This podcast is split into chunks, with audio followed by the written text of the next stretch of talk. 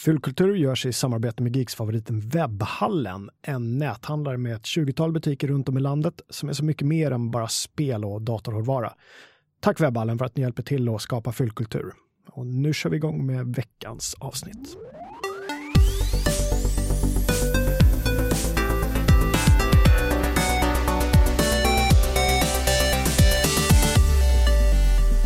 Hej och välkomna till Fulkultur, den folkbildande och sedlärande podden från oss på Geeks.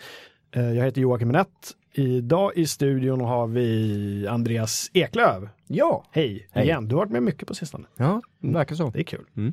Amanda Reventlid är här också. Hej hej. Uttalar jag ditt efternamn rätt nu? Ja, Reventlid. Reventlid. Mm, inga konstigheter. Nej, Det här är, eh, är det tredje eller andra gången för dig? andra. Spännande. Mm. Jakob Nilsson, Ja. den gamla institutionen är här också. Hej, hej. Det blir vi aldrig av med. Nej, Nej jag det bor ju här i studion. Ja. Avsnitt 24 av Fulkultur. Snart har vi hållit på ett år. Mm. Mm. Det var i november vi satte igång. Jag har inte exakt eh, koll på vilket datum det var, men det, det får jag återkomma om, men snart så. Idag ska vi prata om skräcken och fasan. Det har kommit upp lite då och då i, olika avsnitt, så här, "Ja, vi måste göra ett skräckavsnitt, ja vi ska göra det. Så, men folk har varit lite, jag vet inte, inte rädda direkt. men som med så mycket annat, det är så, som du sa innan eh, sändningen Jakob, att det är så väldigt brett. Ja. Var ska man ta avstamp? Ja, det är väldigt, väldigt brett och det är också en genre med så mycket historia och liksom mm, djupa kopplingar till, eh, till litteraturhistorien och Mm. eh, kulturen och allting sånt. Så man vill ju få det rätt. Så, Ja, eller hur? Ja. Vi vill inte göra bort oss. Jag, jag tror vi, eh, vi har ganska många olika intresseområden här inne eh, vad det gäller skräck och olika Mm. ingångar och sådär. Så jag tror att det kan bli roliga diskussioner. Men det finns ju så mycket om man tittar på film och spel och böcker och allt annat. Det finns ju nästan för mycket att ta upp eh, för ett avsnitt. Mm. Så Ja. du menar att vi ska göra en serie? Skräckserie. Jag, jag popsar för det nu. ja. ja, men skräckfilmer är ju berömda för sina, det är ju mycket serier liksom. Mm. Det är så här 17 filmer i en serie eller Mm. någonting. Mm. Så vi kanske kan göra det. Mm. Men innan vi dyker in på, på skräcken och fasan så vill jag bara fråga er, vad har ni gjort de senaste veckorna? Sen förra sändningen? I fulkulturens namn alltså. ja. Amanda, du och jag, vi var ju på Bio Rio och kollade på en eh, exklusiv visning av storfilmen The Room. Mm. Alltså inte den nya filmen The Room, utan den gamla kalkonklassikern. Som var fruktansvärt fantastiskt dålig.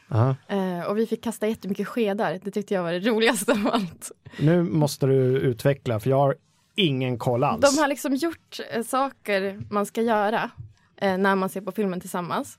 Och en av sakerna är att varenda gång det syns en sked i filmen, Mhm. vilket är förvånansvärt ofta, så ska man skrika spoon och slänga skedar mot skärmen. Liksom så. Eh, och då är det så att de flesta tavlor, där är en sked. Det är bara en sked. Eh, och det var lite oklart varför det är skedar i alla tavlor. Det, Eh, låter, det låter lite som den här The Rocky Horror Show där publiken blir en del av, liksom föreställningen lite grann. Ja, Mm. men det har ju blivit lite samma kultstatus Okej. kring den här, att folk går och ser den här ofta. Och, Ja. Och någon av skådespelarna var med och verkar ha någon sorts levande sitt liv genom att åka runt och berätta om filmen och hur det var att spela in den och sådär. Ja, du såg ju honom utanför biosalongen när alla var inne och kollade. Han var inte med själv och kollade på filmen sen utan han höll ett litet föredrag i början och svarade på frågor. Och sen så när filmen visades då satt han ute i foajén och, och surfade på sin mobil. Ja, Såg uttråkad ut. Men vad handlar filmen om då? Alltså det här Oj. är, oj. Ja. Ja, det är en bra fråga. Eh, Den, den är gjord av, av Tommy Wiseau som Mhm. har själv liksom finansierat den och han har regisserat den och han har skrivit manus och Och spelar huvudrollen. huvudrollen. Så det är hans vision och han verkar ha haft någon sorts idé om att han skulle göra en stor gripande känslomässigt drama som Ja. skulle lämna folk i tårar. Någon typ av eh, triangeldrama där alla har väldigt oklara motiv. Mm. Eh, och det är liksom eh, snara kast och väldigt mycket så här, varför skulle hon göra så någonsin? Eh, Mm. Och sen är den otroligt billig gjord också. Ja. Skådespelarna är fruktansvärt dåliga och de bytte också produktionsteam flera, flera gånger gånger för att alla som kom dit liksom drog. Hur eller blev det avskedade. Men det, det här skedkastandet då måste ju handla om att det, det skulle inte funka att bara sitta och titta på den. För den, det skulle inte gå för den är för Nej, tråkig. man måste förhålla sig till det på något sätt. Så Ja. då kan man kasta skedar och skratta och säga replikerna högt och sådär. Mm. Så, ja, men det var festligt och roligt. Ja, jag kan tänka mig att den inte alls är lika kul att se ensam som liksom i det här biosammanhanget. Mm. Eh, apropå eh, dagens ämne också, hade ni varit på någon sån här eh, skräckfilmsfestival eller var det bara att ni länkade och sa att titta jag här kan länkade och hoppades att jag skulle hinna och insåg att det inte gick. Ja, Monsters of Film, Ja. eller hur? Pågår den nu när vi står och pratar? Ehm, Eller är den avslutad? Nej, jag tror att den kanske är avslutad. Möjligtvis att den är idag. Mm. Och typ, typ på fredag. Mm. Måste kolla upp det där. Monsters of Film här i Stockholm. Jag vet inte om Ja. det är en ambulerande festival eller om det bara hör till här. Eh, Det är Stockholms eh, filmfestival snart också. Mm. Ska ni gå? Nej, inte Nej, jag. Jag har nej. lite för mig. Men eh, jag brukar försöka se någon film sådär, men inte i år. Andreas, vad har du gjort då? Jag har inte så mycket i filmväg. Jag har spelat VR-skräck. Ja. Here They Lie på Playstation VR har jag spelat lite. Ehm, ett, eh, ett ganska eh, enkelt eh, men effektfullt skräckspel. Där du går runt och utforskar ur första persons perspektiv och undersöker olika saker och så dyker det upp effektfulla saker framför ögonen på dig i och med att du är inne i den här virtuella världen. Ehm, det, just skräck är en av de sakerna jag tror, verkligen tror på när det gäller virtual reality. För eh, Även om man är luttrad eh, eller avtrubbad när det gäller skräck, så när man placeras in i världen så är det, det är svårare att vara avtrubbad när det faktiskt sker runt omkring dig. Ja. Eh, så det var häftigt. Vi kan väl eh, återknyta till det där med VR och skräck lite senare, för jag tycker det låter som ett intressant eh, ämne att Mm. prata om. Vi har ju fått rätt mycket feedback också som vanligt eh, och framförallt så får vi väldigt mycket tips på våra olika avsnitt. Eh, företrädesvis så tipsar man på vår Facebook-sida. Så gå in där och, och kolla efter varje avsnitt för det är alltid folk som dyker upp och nämner saker som vi glömmer. Och, alltså vi kan ju inte ta med allt, som det här om skräck till exempel. Vi skulle ju få hålla på i en vecka Mm. säkert. Ja. Men gå in där och kolla och följ oss såklart på Facebook och vi har ett Instagramkonto som har rusat i popularitet här Ja. på sistone, eller hur? Ja, det har den. Det måste vara den där The Room-filmen. Som Ja. ja. Ja, Det var Mm. skedarna. Där heter vi Fulkultur, Fulkulturpodden. Fulkulturpodden. Mm. Och på Facebook heter vi, Fulkultur. Fulkultur. precis. Vi finns inte på Twitter än. Nej, Är det någonting vi eftersträvar eller ska vi så här, nöja oss ett tag? jag Kanske? tror vi håller ett tag, ser Ja. vad som händer med Twitter. Om det är en fluga eller om det... Det håller ju på att gå ner, Twitter, i Mm. popularitet. Aha, men Det- Facebook också hörde jag. Mm. Åtminstone bland Ja. unga människor. Ja, fast det är fortfarande det populäraste stället att hänga på. Det är det. Ja. Okej. Vi är väldigt trendkänsliga, så att Snapchat rusar i höjden nu, så vi får se var vi hamnar. det skulle vara Snapchat kanske. Bra, hörni. Det är Halloween snart. Vi spelar in det här idag. Jag vet inte vilket datum är det idag? Det är den 26. Mm. Mm. 26 oktober. Eh, Och nu i helgen så är det ju Halloween-firande här i Sverige. Jag vet inte vilket datum det är i USA där det kanske är allra mest populärt. Vad har ni för, för eh, förhållande till, till Halloween? Skräckens högtid, eller? ja, Jag vet inte. Alltså, jag har inte så mycket personlig relation till Halloween. Jag är ju lite äldre än de som är unga. Oh, really? Nej, men så att när jag var ung så fanns inte Halloween på det sättet Nej. ännu riktigt. Eh, Men sen när jag blev tonåring och så, så var väl traditionen egentligen att vi samlades och kollade på film, kompisarna. Och kanske drack lite alkohol. Men det var ing- inte något uttalat skräcktema i Halloween, utan det var Nej. precis som nästan allting annat var det en ursäkt för att hänga. Det var, ju- det var väl slutet på 90-talet. Nu tar jag bara datumet ur luften, men det känns som det var i slutet på 90-talet. Ja. Som det kom till Sverige på något sätt. Mm. Därför kom det hit då? Var det för att vi hade sett så mycket amerikanska filmer och tyckte det verkade roligt med det där? Vi är ju ganska amerikaniserade Ja, överlag. vi gillar ju att ta saker från USA. Mm. Och eh, handeln var väl inte fega för att ta till sig en ny högtid. Mm. Nya pengar.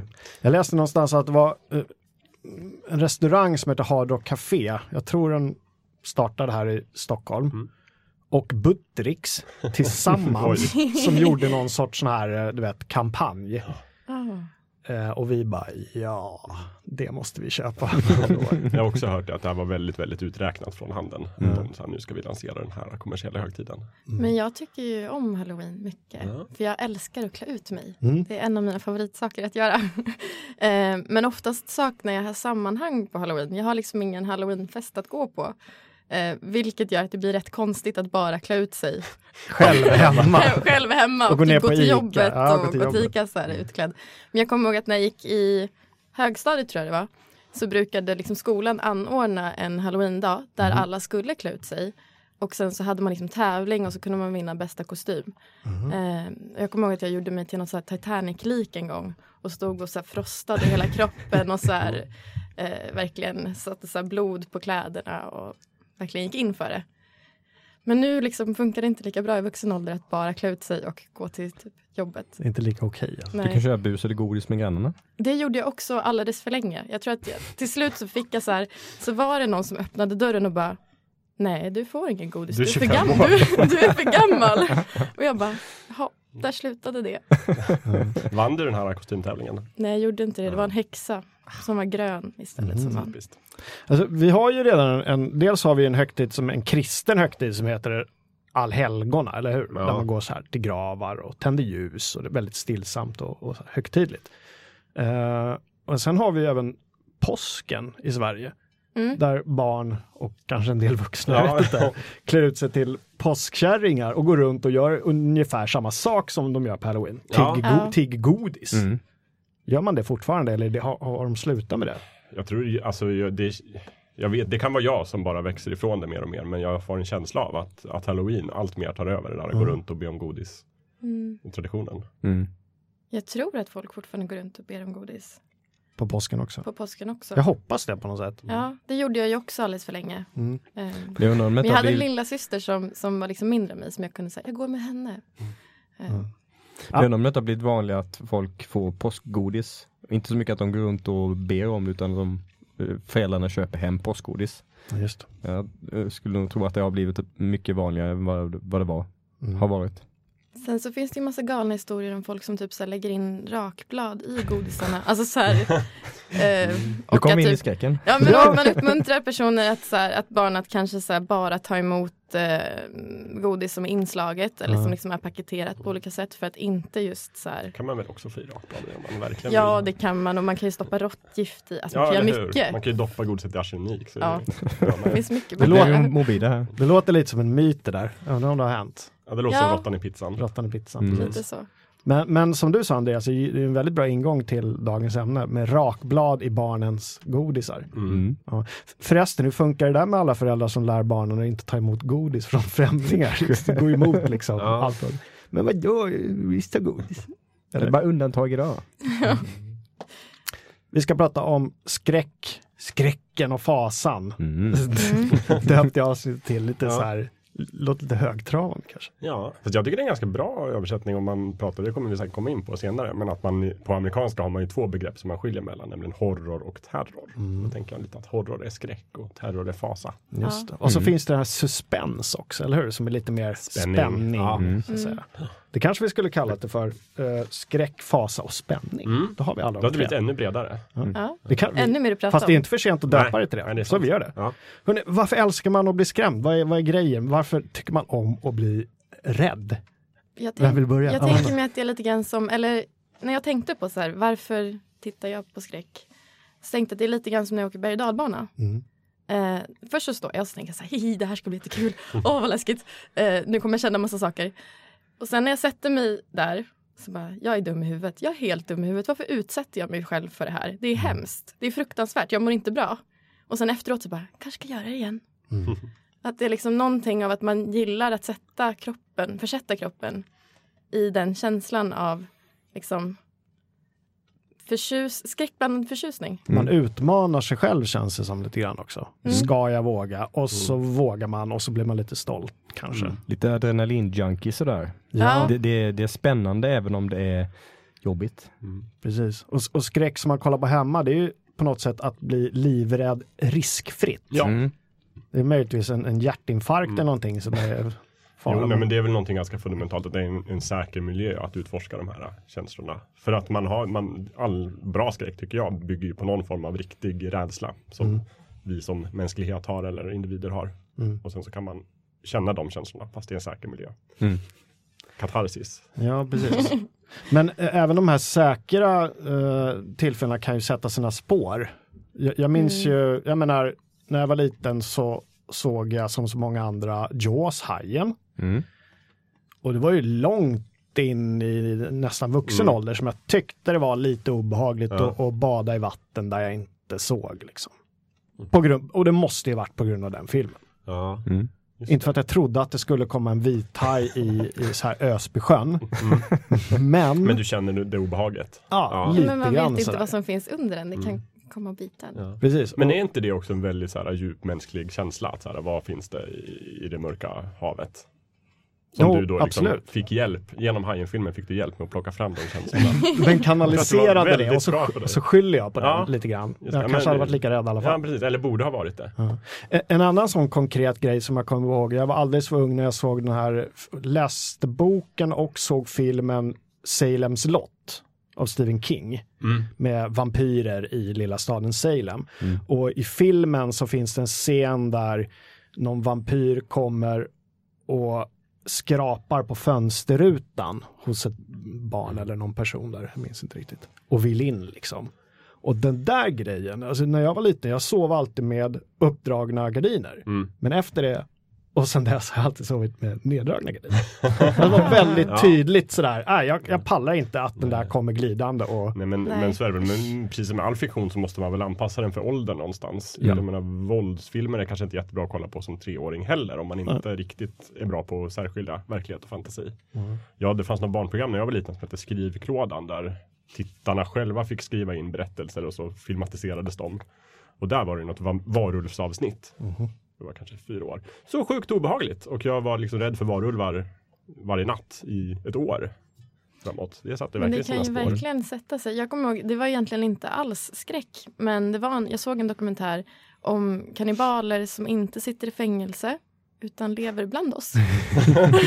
Var det titeln på avsnittet? Nej men det var liksom ett avsnitt om kannibaler som lever bland oss. Eh, där de intervjuade olika människor som liksom var dömda för kannibalism men hade Antingen var de klara i fängelset eller så av någon konstig anledning så var de inte i fängelse. Vilket jag tyckte var så fruktansvärt obehagligt och läskigt. För det blev som att när jag, så här, sen när jag skulle ta mig ut i liksom offentligheten så bara, du kanske är kannibal. Du kanske är med. Eh, Det känns som att här. skulle kunna vara producerad av Fox Mm. Television eller någonting Ja. sådär. Det känns som- bland jag oss. tror den gick på SVT.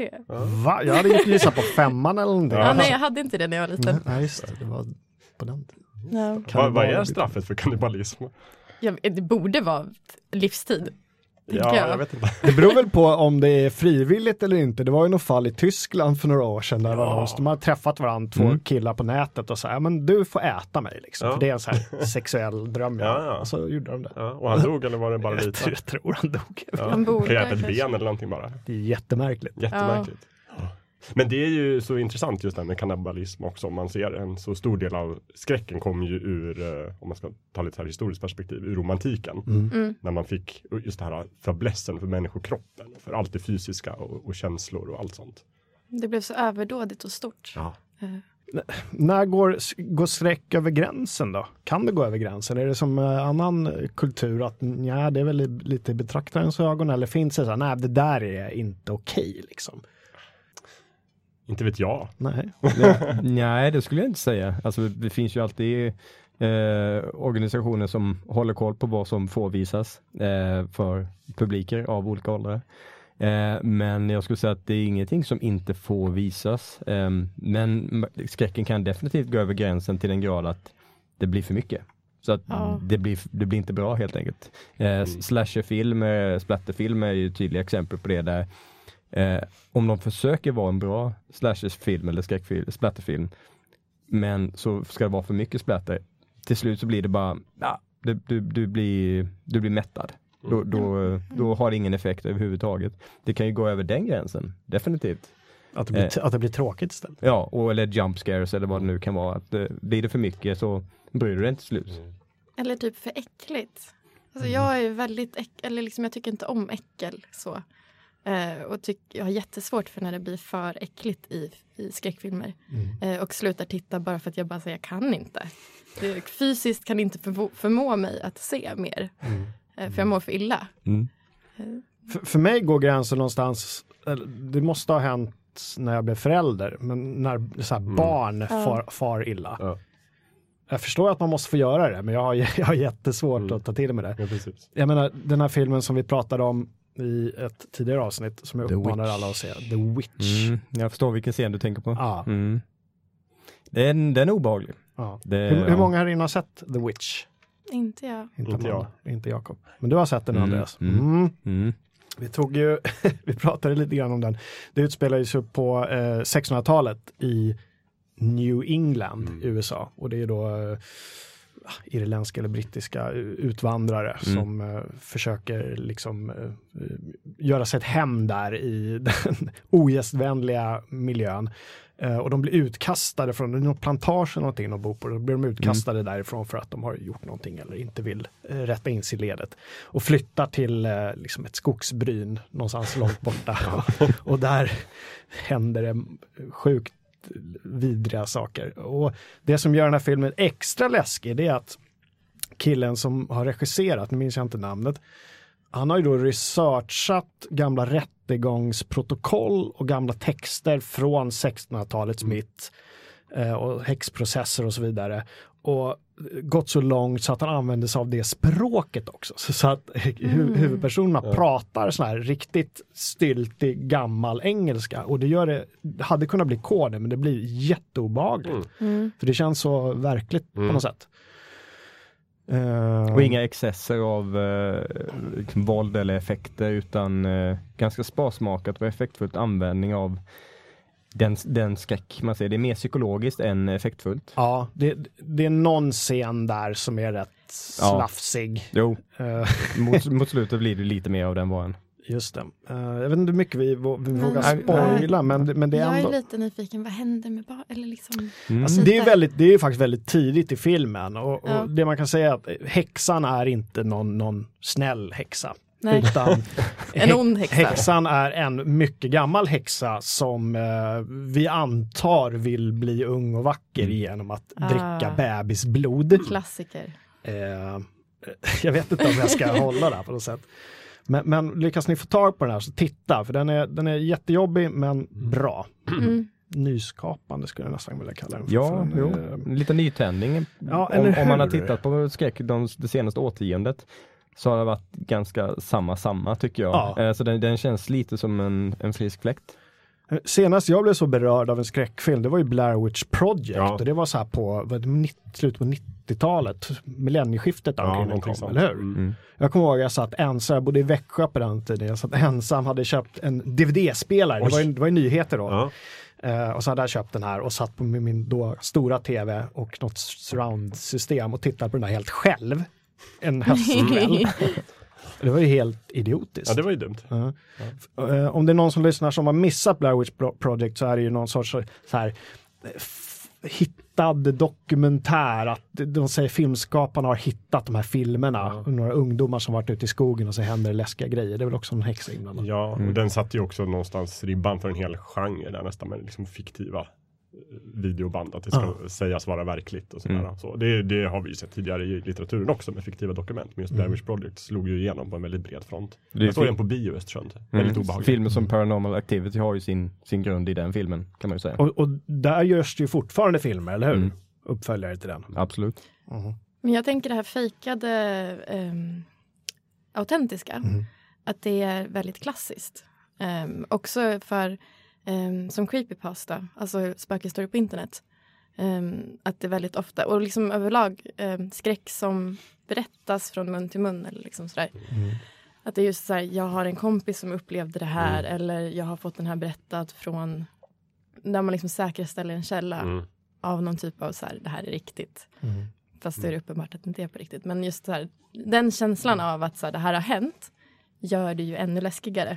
Mm. Att man inte vet vem det är som är berättar den här historien heller. Alltså, det kan vara en, en påhittad person, men det kan Precis. vara Ja precis, men ändå någon typ av dokumentation att så här, det här är en riktig berättelse. Mm. Och det Ehm. påståendet, och då är vi tillbaka där, råttan i pizzan eller Ja, ja. i, i halloween-godiset. Att jag har inte själv sett det, men jag vet att det har hänt. För jag läste, eller en kompis sa att han har läst i tidningen någonstans. Och en kompis kompis har varit med om det här. Mm. Vi- Visst finns det en podd Amanda som behandlar det där creepypasta, den här eh, creepypodden, heter Ja den så? precis, som Jack Werner har. Ja, just det. Eh, han har ju också gett ut en bok som heter Creepypasta. Mhm. Eh, som det började där. Eh, eller jag tror det började med en, en hemsida. Där han samlade ihop massa historier på internet. Mm. Eh, och sen så gav man ut det som en bok. Eh, och nu har han en podd Mm. där han, det liksom, det dels, jag tror det dels läses upp eh, spökhistorier som har liksom skickats in. Eh, och sen så pratar de om temat. Liksom. Mm. Det är ju ett tips att om ni vill grotta vidare i creepypasta. Mm. Mhm. Det är väldigt, boken är väldigt mysryslig.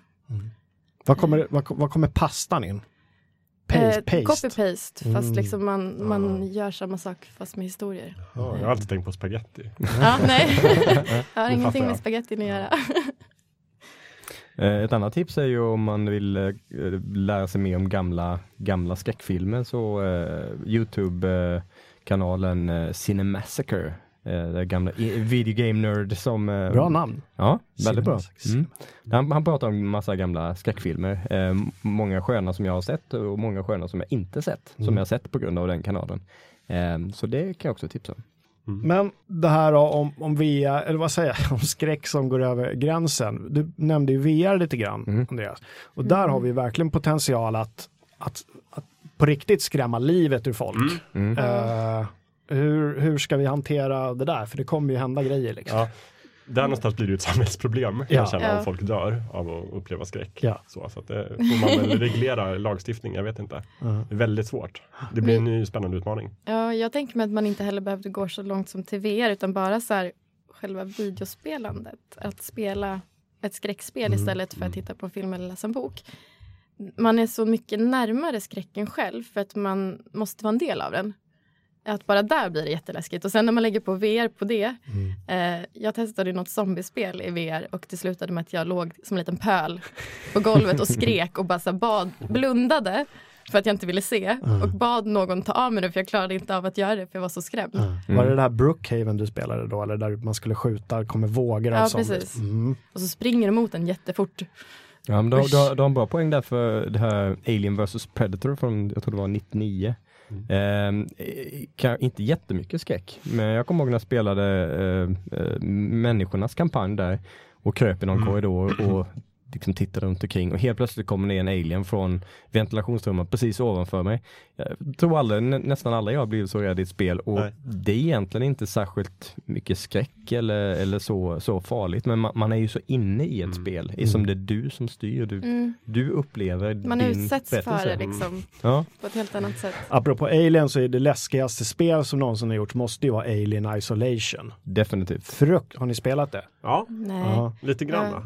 Jag klarar, alltså, I regel klarar jag inte av att spela skräckspel Nej. för att jag blir så rädd så att jag tappar alla kontroller och dör. Ja. Varenda och, gång. och då är inte det här, för här gäller det, alltså du, du befinner dig ombord på en eh, rymdstation Mm. Eh, och en alien är ute efter dig såklart. Du har väldigt små chanser att skjuta den här alien. Nej. det är en person. Den kryper runt i gångar och uppe i tak och under golv. Och det gäller, alltså själva grundspelet är ju ganska rudimentärt. Du ska lösa lite problem och dra i spakar och sådär. Men hela tiden har det överhängande hotet av den här varelsen som kryper runt. Och du kan, du kan smyga och du kan springa, men det är kanske inte är så bra för det hör en dig. Du kan gömma dig inne i skåp. Ja. Men det, och du kan hålla andan. Du, du kan ju skrämma bort alien genom att att använda eldkastare. Men du kan ju inte döda den. Nej. Du, eh, ja, ja, det ska inte säga så mycket om spelet senare men eh, i början så det är bara att gömma dig, fly och sen lite senare skrämma bort alien. Men du kan inte döda den. Och den är hela tiden på väg tillbaks. Ja, det, det, är, det, är, hemskt. det är Ja. fruktansvärt, den känslan av att smyga och inte se sig om, för man vill ju komma fram så snabbt som möjligt, Ja. men man, alltså verkligen fysiskt, ryggraden, man böjer den när man sitter och spelar. Ja. För det känns som det är någonting bakom en hela tiden och de har ju lekt med ljudet på ett fantastiskt Mm. sätt också. Den är mycket, den är mycket ett speg, en spegling av filmen från 79. Mm. Eh, det är en alien. Du, du är en, eh, där är en grupp, du, här är du mer själv. Mm. Men det, det är liksom, du är utsatt, det finns en mördar, liksom kallsinnig mördarmaskin vars enda uppdrag i livet är att äta och döda. Ja, det som är spännande med spelet är också att om jag har förstått rätt så själva alien är inte, den är inte fastprogrammerad så att den kan verkligen dyka upp på olika ställen Mm. beroende på hur man spelar. Det är slumpmoment där, så man Mm. vet aldrig vart den är. Åh nej. Ja, det är en bra AI, är det. väldigt Ja. bra AI. Ja. Ja, men just den här scenen, scenen när man är, ställer ett skåp till exempel och man hör en klampa runt utanför så blir det tyst och man tror kanske den har försvunnit och sen så sliter den upp skåpet och Mm. äter upp Åh, den. nej. Det, alltså, Så den hittar den i skåpen också? det kan den göra om man, Man råkar andas eller råkar röra på sig. Ja. eller Man är inte säker någonstans. Väldigt, väldigt välgjort. Ja, eh, två andra illustrationer är, eh, man kan, man kan stå och titta ut genom dörr, så ser man Alien komma ut. Och sen så går den tillbaks. Tänker man nu kommer den, nej, nej nu kommer den ut igen. Och så går den tillbaks, okej nu går jag ut. Och så kommer den tillbaks igen. Bara? Och en annan gång så sitter man i lufttrumman så tittar man vänster, tittar höger, så bara, nej det kommer ingenting. Sen helt plötsligt, mm, vad fan, jag rör mig bakåt. Tittar man, ja då är det en luft, lufttrumman bakom dig och sådär. Ja, så, mm. Och du Eh. har ju en sån här, eh, vad heter det, en sorts tricord eller vad heter det? Rörelsedetektor. Rörelsedetektor. Ja. Tricorder i Star Trek. Ja. det har, du, har man inte. Precis, men, men, men den är ju bara hjälp så långt liksom. Alltså, det Mm. går inte, man kan inte förlita sig helt på den. Är Nej. det så att den låter också så att man blir upptäckt att man Den använder den? väser så här alien-artat Mm. ibland. Va?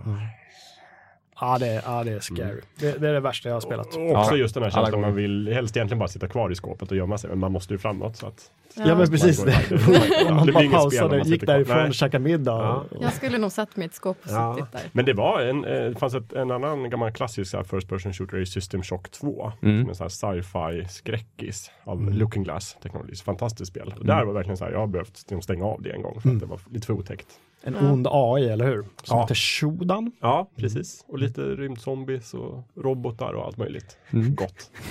Eh, men det säger också just både Alien och det spelet är ju väldigt mycket baserat på att de har så bra ljud, Mm. ljudbild. För det är bara att sl- slå av ljudet på de här spelen och det är inte otäckt överhuvudtaget. Nej. Nej. Eh, Och det kan man ju verkligen koppla till om man får liksom VR-upplevelsen. Att det blir en mycket, mycket starkare närvaroupplevelse. Ja. Som jag tror blir väldigt mycket läskigare. Man kan annan- inte gömma sig lika bra heller. Nej. Nej, en annan klassiker som man inte får missa är ju Silent Hill 2.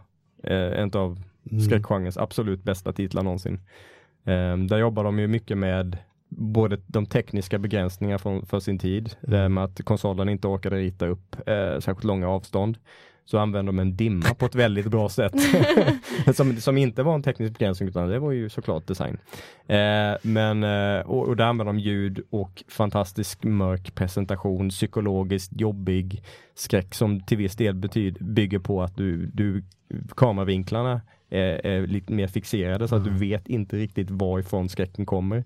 Och har du lågt med hälsa och du hör något, något hasande någonstans, då är det ju, ja, kalsongerna kan vara i fara där.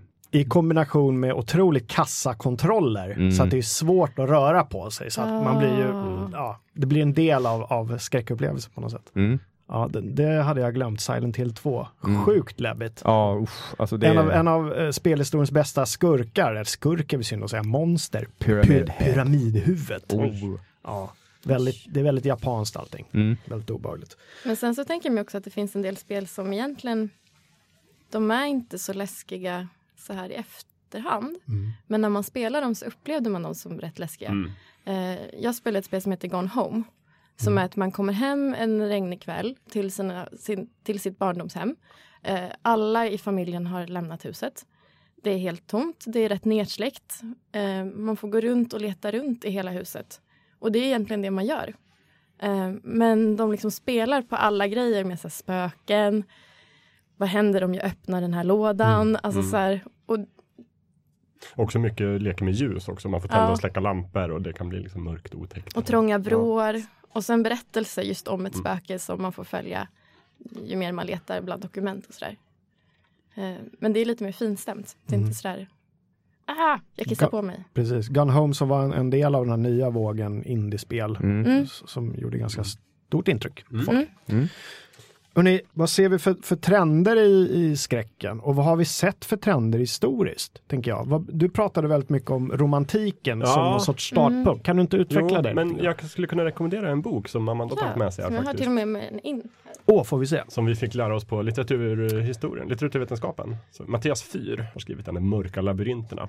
Som är en jätte, jättebra bok. Även om den handlar liksom, den är ju fokus på gotiken. Mm. Eh, som kanske inte riktigt är den klassiska, liksom, de, den har inte så mycket horror, den har mer terrorinslag. Ehm, och den, dels så går den igenom historiskt så här, kanon, skräckkanon. Eh, men sen också definitioner av skräck.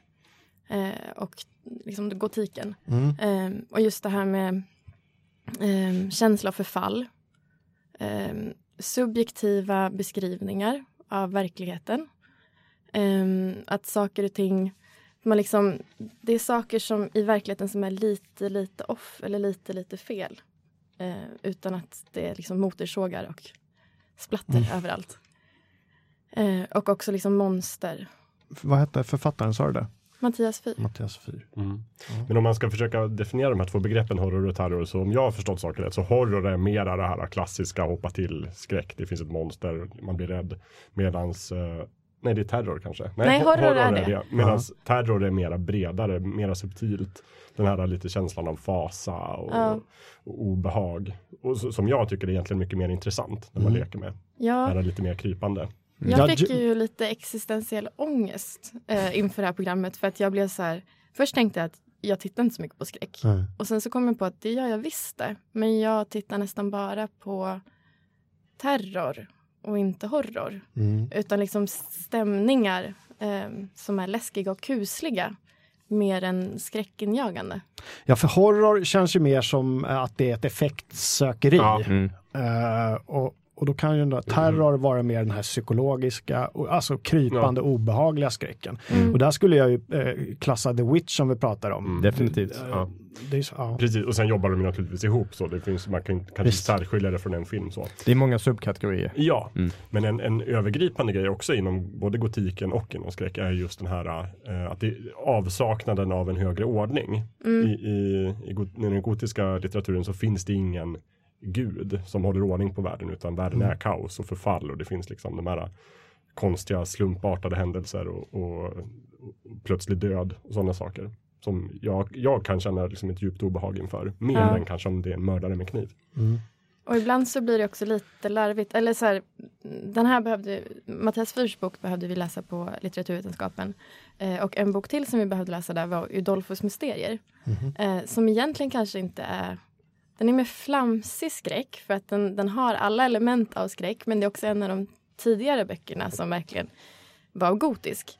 Ehm, så det är liksom mycket, det är en eh, huvudrollen eh, och hon blir liksom bortförd och kidnappad och saknar just kontroll. Hon är helt maktlös eh, och liksom svimmar och har för sig saker. Ehm, och det är liksom läskiga byggnader, labyrinter, allting förfaller. Ehm, det är liksom fragmentariskt.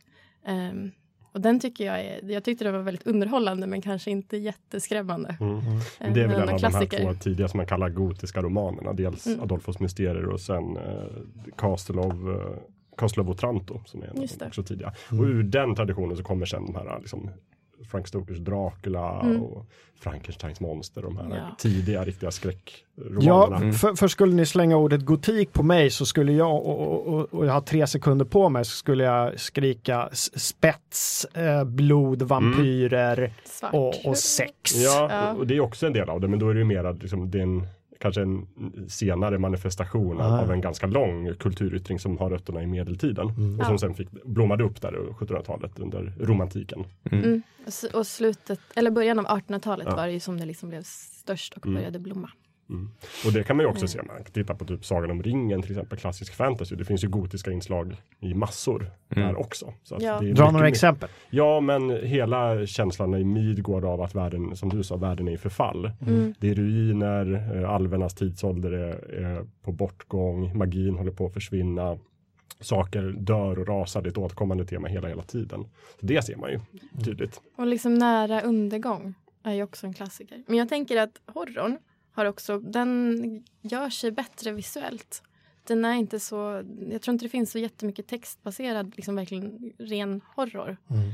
Utan att det fick fart när film blev vanligare och Mm. sen liksom i spel och sådär. Jump scares är ju svårt i textform Ja. på ett sätt. Jag har ett exempel på det i och för sig, men det är svårt. Men det är Edgar Allan Poe har gjort den, den här klassiska novellen The Black Cat. Så har Ja. han liksom ett ställe där, där det faktiskt är hoppa till. Mm. Genom att han skriver i versaler helt plötsligt. Det är lite Och som man får det- jobba. Ja, och det är förvånansvärt effektivt. Men det är också, jag har inga andra exempel. Men var man Nej. tvungen att vända blad innan versalerna? Eller? Nej. För annars känner jag som om jag hade sett helt Ja. plötsligt versal hade jag börjat snegla Jo, lite. ja, men precis. Det är, det är svårt att få till ordentligt där. Men jag tror också att Terry Pratchett hade något liknande knep i något. Där han verkligen försökte och pratade med de som skulle ge ut boken om att det är väldigt viktigt att de här, den här i versaler kommer först på en sida som Mm. man måste vända. Och Mm. det gick ju inte i översättningarna naturligtvis. Så det, Nej. vart ju, det följer ju ganska platt. Hörrni, vad, vad är era första sådana här skräckminnen då? När började ni intressera er? Ja, För mig var det Alien. Ja. Alla gånger. Ja. Det, det, det, jag tycker både den och Aliens. Aliens är egentligen mer en actionfilm. Mm. Men den har också några fruktansvärt jobbiga scener. Ehm, Mm. Framförallt i slutet med Newt och eh, vatten. Eh, jag behöver inte säga spoilers med en sån gammal film, men eh, kan, jag kan hålla det där. Men det, det, var, eh, det var en sån film där det, det psykologiska och det visuella och ljudet och allting eh, skapade ett stort obehag så jag var jätterädd för att det skulle sitta en alien eh, i garderoben eller att jag skulle ha någon, någonting i magen som skulle poppa ut Ja. helt plötsligt. Och varenda gång du mådde illa så bara, kanske har en alien i Ja, magen. det kan vara, det kan Ja. vara. Ja. Det känns ju lite grann som att en, ens tidiga upplevelse måste ju ha format hur man ser på det här idag. Om man tycker om det eller om Mm. man är helt eh, emot skräck och allt vad det heter och hatar Mm. att bli skrämd. Mm. Jag minns, jag tror att det första jag såg i skräckfilm som jag kommer ihåg i alla fall, det var uppe på vårt landställe i Roslagen och det var på den här tiden när det bara fanns två tv-kanaler, ettan och tvåan. Och jag minns att på kvällarna en sommar så sände ettan eller vad det hette då skräckfilmer och så här i efterhand när jag researchade där så började jag undra om det inte var de gamla Hammer-filmer Jaha. som de sände. För att det finns ju filmer eh, från eh, Hammer, det är ett engelskt bolag där Christopher Lee bland annat var väldigt eh, framstående, både som skådis och jag tror han var med och skrev en del också. Mm. Men de gjorde några filmer som hette Mumiens hämnd i Draculas klor, Frankensteins förbannelse och så vet jag att det fanns en varulvsfilm också. Mm. Och jag kommer ihåg att det var tre filmer som jag bönade och bad mina föräldrar att få se. Men jag fick bara se tio minuter på varje. Oj, Åh nej! Ja, men jag kan inte varit mer än, mer än sju år. Så Nej. jag Men var det, var det för det. att de ville se vad det var för någonting eller var det för att nej, men, Jocke klarar bara tio minuter? Jag tror att min storebror skulle få se dem. Aha. Han är tre år Ja, äldre. Just det. Eh, men Just jag det. fick inte se hela. Men jag minns att jag tror i alla fall att de var svartvita och jag vet att det var en som var just mumie Ja. Och sen var det Dracula och så var det Frankenstein. Så det måste nästan varit de Hammer-filmerna. Ja, Sen det har jag låter- klart gjort massa sådana filmer men jag känner igen det där Mumiens hämnd. Väldigt Ja. bra titel. För Ja, den. verkligen. På tal om Christopher Lee, eh, The Wicker Man från 73. Eh, Den är jobbig. Ja, den är Ja. jobbig. Och det är ett exempel på, det är inte så mycket s- skräck eller effekt eller någonting. Det är bara det här psykologiska av, Mm. för det är en, en polis som åker ut till en ö där de eh, öborna har, utformar, utför någon slags paganism. Mm. Eh, där de ska offra en ungmö till, eh, till gudarna för att, eh, jag för mig att skörden, skörden är dålig eller något sånt där. Ja. Eh, och Christopher Lee är då den här ledaren för gänget. Eh, och eh, det, det är väl egentligen bara en scen i slutet skulle jag säga som är mm, liksom skräck, visuellt jobbig. Eh, men den är väldigt, eh, filmen som helhet är väldigt jobbig att se. Och det, jag tror det är på grund av den här liksom, galenskapen hos de här religiösa, liksom vägran att, att hitta sans eh, trots eh, liksom, galenskapen i det de Mm. håller på med. Ehm, det, det, den, den, Det är ju bara det, läskigt. ja det är Ja. väldigt läskigt men det är mycket faktiskt. den här, det, jag tror också lite grann att den är så tydligt från 70-talet. Att det är lite så här känsla av att felaktighet i hela filmen. Mm. Men vi har faktiskt pratat om det tidigare även, för, i, för det finns ju en remake Med Nicolas med Nicolas Cage som man kan undvika. Som unge Andrea här, i- som brukar med i podden, han har ju bara sett remaken. Mm. just det. Aj, aj, aj. Men, men det är ju någonting på spåren där, att det var ju lite läskigare, och vågar jag säga nästan lite äckligare med saker från 70-talet. Ja. För det är någon stämning där som Mm. är obehaglig, som är svår att ta på, eller? Äckligt och otäckt årtionde. Ja, och konstiga kläder. Det Ja. blir väldigt så här, det blir, det är vår värld men ändå inte Ja, på något jo, men sätt. verkligen. Och det tror jag inte de tänkte på när de Nej. filmade det. Men Nej. nu så här 2016 är det ju, det blir otäckt bara det är 70 Ja, det här med Ja. ga galen eh, fundamentalism är ju i allra högsta grad aktuellt idag. Det är obehagligt. Ja, verkligen. Jätteläskigt. Eh, men jag menar, åt- 80-talet var ju guldåldern för en massa olika typer av skräck. Men 70-talet var ju definitivt en, en, en guldålder för den där psykologiskt jobbiga skräcken. Mm. Ja. Ja. Men jag kommer ihåg, jag hade också föräldrar som inte lät mig se eh, skräck och eh, liksom allmänt så här, våld. Ehm, jag fick se Bondfilmerna när jag var liten. Det var, det. Det var liksom den nivån det låg på. Ehm, men jag kommer ihåg att jag och en kompis, vi, vi hyrde Exorcisten. Och så la vi den i, en an, i ett annat fodral Klassiker. för att vi skulle kunna få se den. Eh, och så hade liksom min kompis, de hade en, en hemmabio i källaren. Mhm. Eh, så vi liksom så här bytte och så var det så här, vi ska gå ner och kolla på film, den här eh, romcomen, typ. Eh, och så gick vi ner och så var vi tvungna att ha, det ljudet kunde inte vara för högt för Mm. då skulle man ju höra. Eh, och också när vi blev skrämda så kunde vi inte skrika rakt ut. Eh, eftersom att då skulle de bara, varför sitter ni och gallskriker? Mm.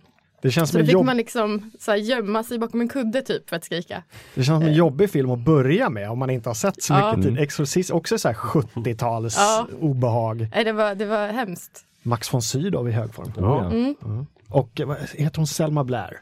Ja. Hon som, har hon som blir besatt av en demon och det är då en katolska präster som ska driva ut den här demonen. hon som spindel går ner för trappan. Ja. Ja, Jo, samma sak där, jag tyckte äcklet var Mm. Det läskigaste. Eller liksom så här, de kissar på mattan. Ja. Och så, så här, äckligt. Ja, men, där har vi lite 70-talet, det var någon sorts realism. Man drog sig inte för att visa kroppsvätskor Mm. och Nej. eh, hela den där grejen. Groteska saker. Ja, Ja. Precis, och sen 80-talet blev lite mer verklighetsfrånvänt. Mm. Lite mer fantasi. Mm. Motorsågsmassakern. Ja. Du då Jakob, har du, för, har du några tidiga minnen? ja, men jag fick inte heller se skräck när jag var Mm. liten så. Ehm, så att jag tror, jag tyckte, kommer inte riktigt ihåg vad det första jag såg, men däremot när jag var kanske 12-13 så såg vi just, precis som du Andreas, Aliens. Mm. Och det var nog första gången jag upptäckte så här att men det är ju faktiskt lite härligt att bli Mm. lite rädd sådär. Mm. Men eh, ja, så det var väl den och sen så hade jag en period när jag såg en del skräck och började läsa framförallt mycket Lovecraft noveller. Som ger verkligen den här krypande, otäcka, världen är helt galen Ganska eh, litteratur. Liksom. tung, tung litteratur som man inte ska kanske läsa om man inte mår så bra. Nej, känns det som precis. spontant. Och, och en, många tycker att han är väldigt författare, Lovecraft. Han skriver Mm. väldigt mycket. Så här. Han tycker om att beskriva hela rummet i detalj och alla stolarna och allting. Och sådär. Men, men liksom, kan man gräva igenom det så hittar man den här uh, totala Mm. meningslösheten och hopplösheten. Som jag gillar. Mm. Folk som blir galna, gärna. Ja, Dör i slutet. Mm. Jag har ett tidigt litteraturminne som jag bollade ut lite på vår slackkanal. Eh, Wahlströms ungdomsböcker hade Ja. en serie eh, Just som det. hette Alfred Hitchcock presenterar Ja, tre Mm. deckare. just det. Jag läste Just några det. sådana också. Eh, och jag researchade lite och kom fram till att det var, de har skrivits 43 böcker i den här serien mellan eh, 1964 och 1987. Oj. Eh, och jag vet inte vem som introducerade mig för dem, men jag läste igenom den här listan och måste nog ha läst nästan alla böckerna. Mm.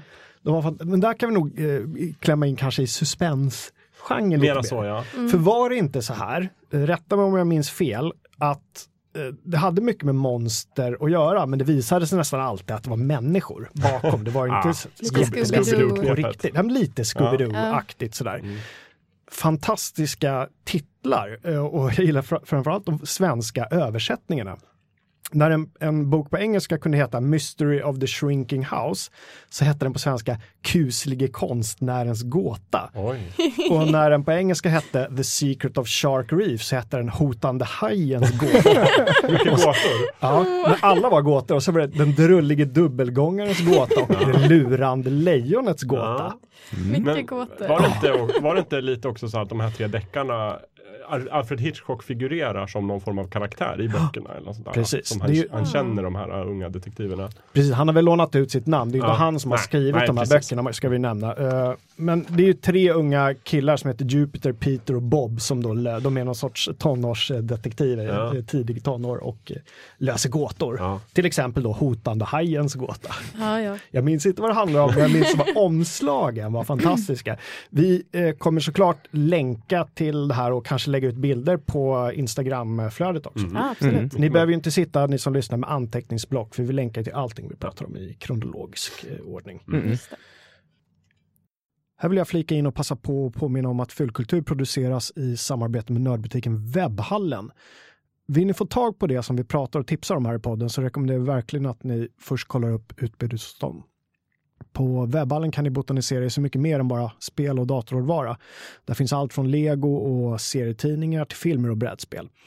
Eller varför inte besöka något av de många event och happenings som de regelbundet ordnar på plats i butikerna.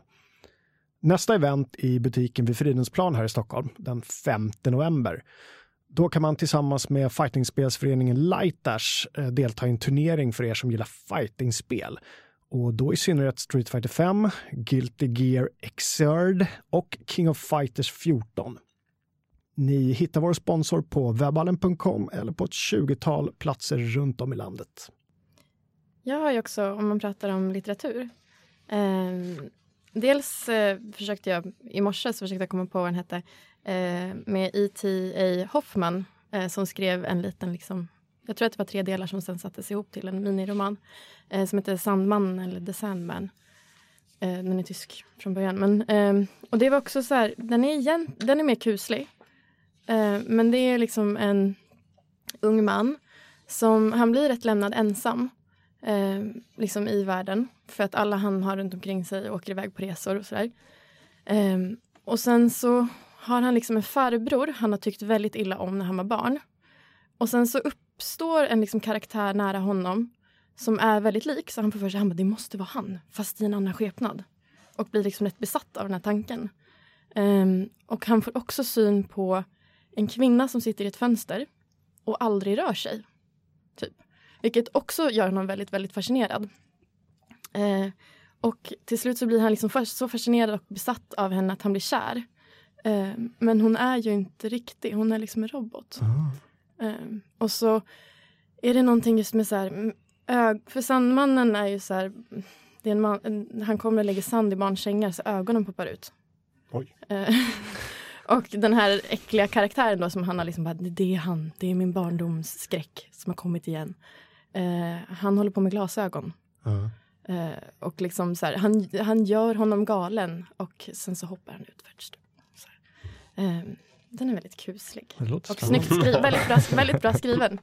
Mm. Det här med barn och sängar och sovdags är ju också någonting som är vanligt, återkommande i skräcken. Mm. Eh, jag tänker på uh, Terror på Elm Street bland annat. Ja, just det. Är någonting, det är ju egentligen kontraproduktivt. Om, om man vill att ungarna ska sova så ja. ska man ju inte skapa skräck som bygger på att de sover. Men det, det finns ju flera sådana exempel. Ja men och den här som du berättade om igår tror jag. Uh, tänker du på Black Mirror? Nej, nej. den här historien som du hade hört när du var rätt ja, liten som hade ja, skrämt dig så. Eh, fast det, därför är faktiskt eh, mina föräldrar ska inte skyllas för vi hade, vi hade eh, parabol-tv väldigt tidigt eh, och jag tittade på TV-tusen mm. och det var på helgen så det var lite senare för vi fick, fick upp lite längre då. Mm. Eh, och så var det en sån här eh, samling kortfilmer. De kanske var tio minuter styck eller något liknande. och då var det en, en pojke som låg i sin säng och så var det massa dockor runt omkring honom. Clowner och diverse annat. Och, och, så tyckte han att han hörde ljud hela tiden. Och så skrek han efter föräldrarna och föräldrarna kom inte. Eh, och sen till slut kom de, men det är ingen fara. Det är, så öppnade de garderoben och det var ingenting där. Och då liksom ser man på pojkens uttryck att ja, okej, men det blir rätt lugnt. Sen börjar man höra, höra ljudet igen och fast då verkar det som att det kommer från under sängen. Och då liksom pojkar, man, man ser på minspelet att han bara, ja men det, det, är nog ingen fara, det är, liksom, det, det är bara jag som inbillar mig. Så han, han, han, tittar ner under sängen och då ser man två armar med så här randiga clownarmar eh, på sträcka sig ut och slita in honom under sängen och sen så är avsnittet slut. Ja. Ah, alltså jag, jag var rädd för det där i veckor efteråt. Det var fruktansvärt. Nu har du ju nämnt det onämnbara, clowner. Mm. Ja, det är ju väldigt aktuellt också. Extremt aktuellt. Tyvärr. Vad är det som händer? Det har ju varit folk som klär ut sig till clowner Mm. Och i USA tror jag att de mest bara har skrämts. Mm. Eh, men i Sverige har de ju attackerat folk och skadat dem, alltså med kniv och liksom vapen. Mm. Eh, jag tror de har gjort det i USA också fast det i, bara i begränsat samma. fall och de svenska clownerna jag trodde inte jag skulle säga det men de svenska clownerna verkar ha tagit de extremfallen eh, som mall för ja. deras eh, påhitt. Och även om det liksom är fortfarande rätt ovanligt, av alla clowner som har förekommit i Sverige, så är det ändå rätt få som liksom har knivstuckit någon. Mm. På listan över saker som vi inte trodde vi skulle säga. ja, men, men bara vetskapen om att vissa clowner har kniv, mm. gör att alla clowner blir läskiga. Mm. Tycker jag. Ja. Vi hade ju, jag hade en lagkamrat som hon skulle ta sig från träningen eh, förra veckan och eh, det var en clown som hoppade upp i busken. På riktigt liksom. Och det är otroligt otäckt. Mm. Eh, Och så när jag skulle, förra, så då, den här veckan när jag skulle till träningen, jag var ju livrädd att gå den sträckan för jag var så här, snart kommer en clown, snart kommer en clown, snart kommer en clown. Jag, lä- jag läste någonstans, men jag bara läste på ett ställe, att det var någon marknadsföringsaktivitet för nyinspelningen av Stephen Kings It, Jaha. Det, med en Mm. Skarsgård i huvudrollen, som, som ju är på tapeten, som satte igång allt det här. Jag ska inte ta gift på det, men jag hörde har någonting om att de det, hade jag. satt igång då, sen så Mhm. rullade det igång. Låter Ja. otroligt. Mm. Men, men tittar man historiskt inom skräcken så eh, det är någonting det här med clowner, de ska vara jätteglada, jättemuntra Ja. och de klär sig i de här festliga utstyrslarna och Mm. det är väl någonting som är obehagligt med någon, någon som är för, Glad. för, för glad, för pepp, för sprallig sådär. Ja, men också hela den här vändningen att det som ska vara det snällaste Mm. och godaste som finns Mm. är istället det ondaste som finns. Mm. Precis. Det är väl Ja. därför det är så otäckt med barn också. Som är Ja. Precis, Mm. det- barn. besatta Med, med barn, punkt eller? Nej, jag tänkte Nej, med men- skräckfilmsbarn. Ja men alltså barn som blir galna eller är onda är ju Mm. typ det läskigaste som finns. Som i den första Omen. Ja, Ja. till Mm. exempel. Ja, just det. Med Mm. Damien, äh, djävulens son Mm. som är också, känns också lite 70-tal va? Ja. Oh, Ja. Blek, blekt Ja. filmat, Mm. en, också ett blekt svarthårigt litet barn Precis. med stora hundar. Ja, ja verkligen. Ja, men definitivt barn, clowner, allt sånt. Också Ja. eh, den här klassiska science fiction-serien Doctor Who. Finns det ju ett monster som heter The Weeping Angels. Som Ja, är just det. änglar. Också så här symbol för godhet och sånt. Jävligt otäcka monster. Ja det är Mm. Mm. fruktansvärda. Mm. Det är kanske någonting om att man är rädd för vad som kanske finns under ytan, att det är för snällt, för glatt. Det, det, det, Ja, någon, men- det ligger någonting jag- begravet här. Jag tänker mig också att det är det största sveket. Mm. Alltså någonting som ska vara oskuldsfullt, som ska vara värna om en, som ska vara liksom bara renhet eller godhet. Mm. Att det liksom besudlats av ondska. För då är vi inte trygga någonstans. För då är vi inte trygga någonstans, vi Mm. kan inte lita på något. Mm. Ehm, Ja. Men det är ju också det som det anknyter på hela den här gotiska eh, traditionen. Att vi hoppas och tror att världen ska vara, liksom, ha mening och i grunden vara god. Men skräcklitteraturen avslöjar världen för att vara Meningslös förfallen och och- meningslös. Mm. Vad, vad finns det för svensk bra skräck? Inte så mycket eller? Nej. Nej. Inte på filmsidan kanske jag tänker mig, men det har väl varit rätt mycket litteratur eh, som ändå är bra. Är det något specifikt du tänker på? Jag tänker på John Ajvide Lindqvist. Han har ju gjort väldigt mycket. Mm. Ehm, som är också det här kusliga, eller både, både groteska eh, och kusliga. Ehm, Låt den rätte komma in till exempel. ja, Som också, blev film och väldigt Mm. lyckad film. Mm. ja, både på både en amerikansk version och en svensk. Mm. Ehm, men annars tänker jag har faktiskt inte läst Låt den rätte komma in. Ehm, Den är väldigt bra. Mm. Den, Ja. är, den är jättebra. En av mina eh, favoritböcker. ever. Men, eh, men jag tror att jag har mer läst eh, lite senare. Eh, som Lilla Stjärna och Människohamn. Mm. Eller han har också två novellsamlingar.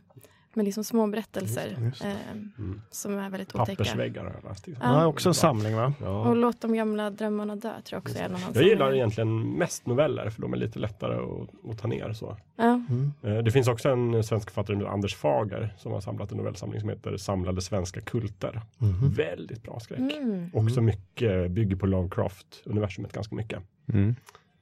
Kan rekommenderas. Försökte inte Sverige göra någon form av eh, eh, found footage, det, det okända eller sånt där? Nej, Jo. Jo, jo, det var de. Ja, De var inte bra. Nej, det var inte så bra.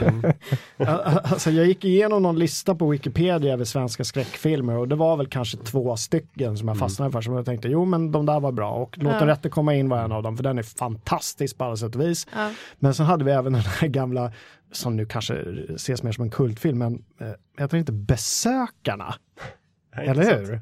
Jag Med. Ah. jag tror den hette Besökarna med Kjell Bergqvist, Lina Endre och Johannes Brost i, ett, i en villa och det hände konstiga grejer. Ja. Och jag vill minnas att det var rätt obehagligt. Det låter ju inte Men- som den kan vara. Just det, men det var inte den. Jag vet att det finns en svensk film, nu kommer jag inte på vad den heter. Ehm, men där den går i sömnen. Och gör hemska saker när han går i sömnen. Mhm. Typ mördar folk. Eh, typisk läskig Ah. grej. Mm. Ehm, och liksom han försöker på olika sätt få reda på vad han gör i sömnen. Eh, som sätter sig kamera på huvudet. ehm, jag tror han går till en korvkiosk och köper korv och sen mördar han någon.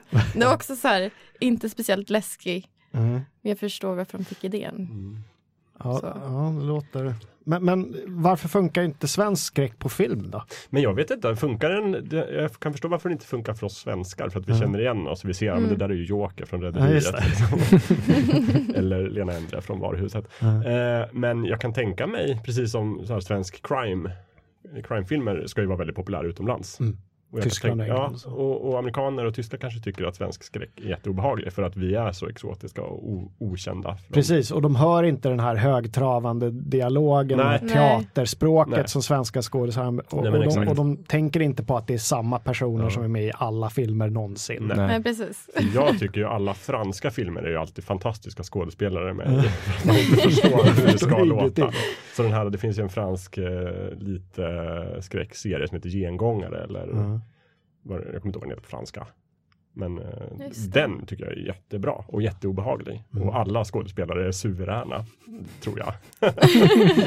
Men, så, så, du, så du tror att jag är lite orättvis när jag säger att allt förutom två filmer är skit? Jag tror det. Ja, okej. Det, men, Fast jag tänker mig att vi, har liksom inte, vi är inte jättebra på varken action eller skräck. Nej. nej. Kan man med budget att göra också kanske? Kanske Eller? budget och så kanske liksom att man tänker att det är jätteläskigt i huvudet. Och så Ja. är det inte lika läskigt men jag, jag tror verkligen också det. Men också just att det sägs ju att svenskar är så bra på att göra dramafilmer. Jag tror vi kan göra sånt som är väldigt jordnära och verklighetstroget. Men ju mera fantastiskt det ska bli, Mm. desto vi köper inte det för att vi hör den här, som du säger, Dramaten skådespelar svenskan. Mm. Och när det är Hollywood, liksom, då kan man ändå någonstans köpa, okej det här är fantasi, för att Ja. USA är ett fantasiland. Mm. Ja, svenskar Ja, kan ju regissera skräckfilmer eller ja. Ja, när de kommer till Hollywood så Ja. kan de ju det. Så att det Ja. kan ju Det inte måste vara vara någonting i svenskarnas händer. blod. Mm. Nej. Måste ju vara skådespelarna och produktionen. här. Och dialogen. Mm. Men hörni, Alltid dialogen. apropå lågbudget, jag hade en period i mitt liv, jag måste varit runt 18-19 där jag frossade i gamla kultfilmer och lågbudgetskräck och Mm. kanske främst filmer från den här italienska vågen mellan 60 och 80. Mm. Italo-horror, lite slar- slarvigt uttryck. Fanns ett annat uttryck för också som eh, spagettiskräck. Ja. Eh, anspelning på då. då. Mm. Eh, de, det var ju mycket gotik där också och eh, även mycket psykologisk skräck blandat med extremt grafisk äckel. Mm. De sprängde ju många gränser, uh, italienarna där. Jag vet inte varför just de gjorde det, men jag har läst någonstans att de hade väldigt bra regissörer med väldigt små budgetar, Mm. så de, de Ah. gjorde liksom det mesta Ja. av det. Mm. Eh, skulle vi lyfta fram tre regissörer eh, främst. Det är Dario Argento och det är Lucio Fulci. Om jag uttalar fel så uttalar jag fel. Eh, och även Mavio eller Mario Bava som jag inte vet så mycket om men det var tydligen han som startade upp det här lite grann i Italien med något som heter Giallo Giallo-genren så var just de här Mhm. eh, seriemördare med läderhandskar och gärna skalpeller och eh, mycket sex, mycket våld, väldigt eh, Kvinnorna hade inte så mycket att säga till om eh, i, i de filmerna utan det var ju väldigt objektifierande på alla Mm. sätt och vis. Eh, men jag minns vi hyrde faktiskt in oss i skolan, i gymnasiet. I, vi bildade någon filmklubb där. Jag minns inte vad vi hette, men det var säkert något fyndigt. Där vi fullkomligen då frossad i den här, eh, i den här genren. Och jag minns, vi hade någon visning av en film som heter New York Ripper. Eh, det var också den sista visningen vi hade för att eh, mitt i allt så kommer någon lärare in och kollar vad vi skulle hålla på med där på kvällen egentligen. Och det var inte bra. Och det var inte så bra. Nej. Eh, Det finns en väldigt berömd, New York Ripper, det är en, en ganska klassisk eh, grundberättelse om en polis i New York som ska lösa en serie, seriemördares eh, f- framfart. Men den här mördaren pratar på någon sorts Kalle språk vilket gör det hela väldigt obehagligt. Eh, det finns en scen där han då, eh, där de filmar väldigt nära ett öga, en kvinnas öga Ja. såklart, och den här seriemördaren skär med Nej, en skalpell Ah. rakt igenom fy. på ett väldigt, väldigt, väldigt grafiskt Mm. sätt. Eh, sånt Mm. satt vi och kollade på i 20-årsåldern. Och Jag vet inte om man har trubbats av av det eller om man tycker det, men det finns ju en hel, en hel kult där ute om, om just de här filmerna. Mm. Eh, Men jag, finns, tror, jag tror ja. definitivt det finns någonting i det att eh, vi har också så spel, tittat på eh, skräckfilmer, eh, splatter och slasher och allt möjligt med mina kompisar. jättemycket i så här från 17 eh, fram till eh, ja, nu i princip. Eh, och eh, man blir avtrubbad av det till slut. Mm. Jag, jag, när jag tittar på en skräckfilm idag, det är väldigt få som berör mig överhuvudtaget. Vilket är lite synd. Men Mm. eh, det, har, det får nog det, lite den effekten om man tar in så mycket. Mm. Men det jag minns är att vi började diskutera de här filmerna i, inte utefter vilken upplevelse det gav oss utan lite mer tekniskt. Hur Mm. 17 gjorde de Ja. det där med den där Mm. budgeten? Eh, och, verkligen. och börja prata foto och sånt där för de är också berömda för att de är väldigt, väldigt snygga filmer Ja. eh, trots innehållet. Ja, för en kritik mot just att titta på liksom skräckfilm och våld och sådär, Mm. just att man blir avtrubbad, att man inte skulle kunna ta våldet på allvar. Jag tror faktiskt att det mer handlar om att man blir mycket mer beläst i genren. Man lär Mm. sig greppen, man lär sig hur de här filmerna är upplagda. Rent tekniskt, hur gör man de här Mm. effekterna? Mm. Jag tror bara att det handlar om det och då blir man mycket lätt, bättre på att distansera sig och se det som, som fiktion, vilket det är. Jag tänker mig också att våld och våld, alltså det är olika saker som till exempel i, i så här, eh, filmen där kroppsdelar flyger och ögon skärs ut. Om det är ett överdrivet våld Mm. Som är tydligt till för att underhålla så är det ett annat typ av våld än när man låter någonting vara långsamt eller realistiskt eller liksom låter små saker som är väldigt äckliga eller liksom våldsamma på ett sätt Mm. eh, få ta tid. Eh, och det är väldigt obehagligt. Mm. Jag måste bara tillägga om man vill forska vidare i talohorrorn eh, och vill gräva ner sig i Lucio Fulcis verk så ska man kolla på en film som heter The Beyond som handlar om en tjej som ärver ett hotell och i det här hotellet öppnas alltså helvetets portar. Det är en väldigt, väldigt grafiskt småmysig film. Om man Ja. använder det uttrycket.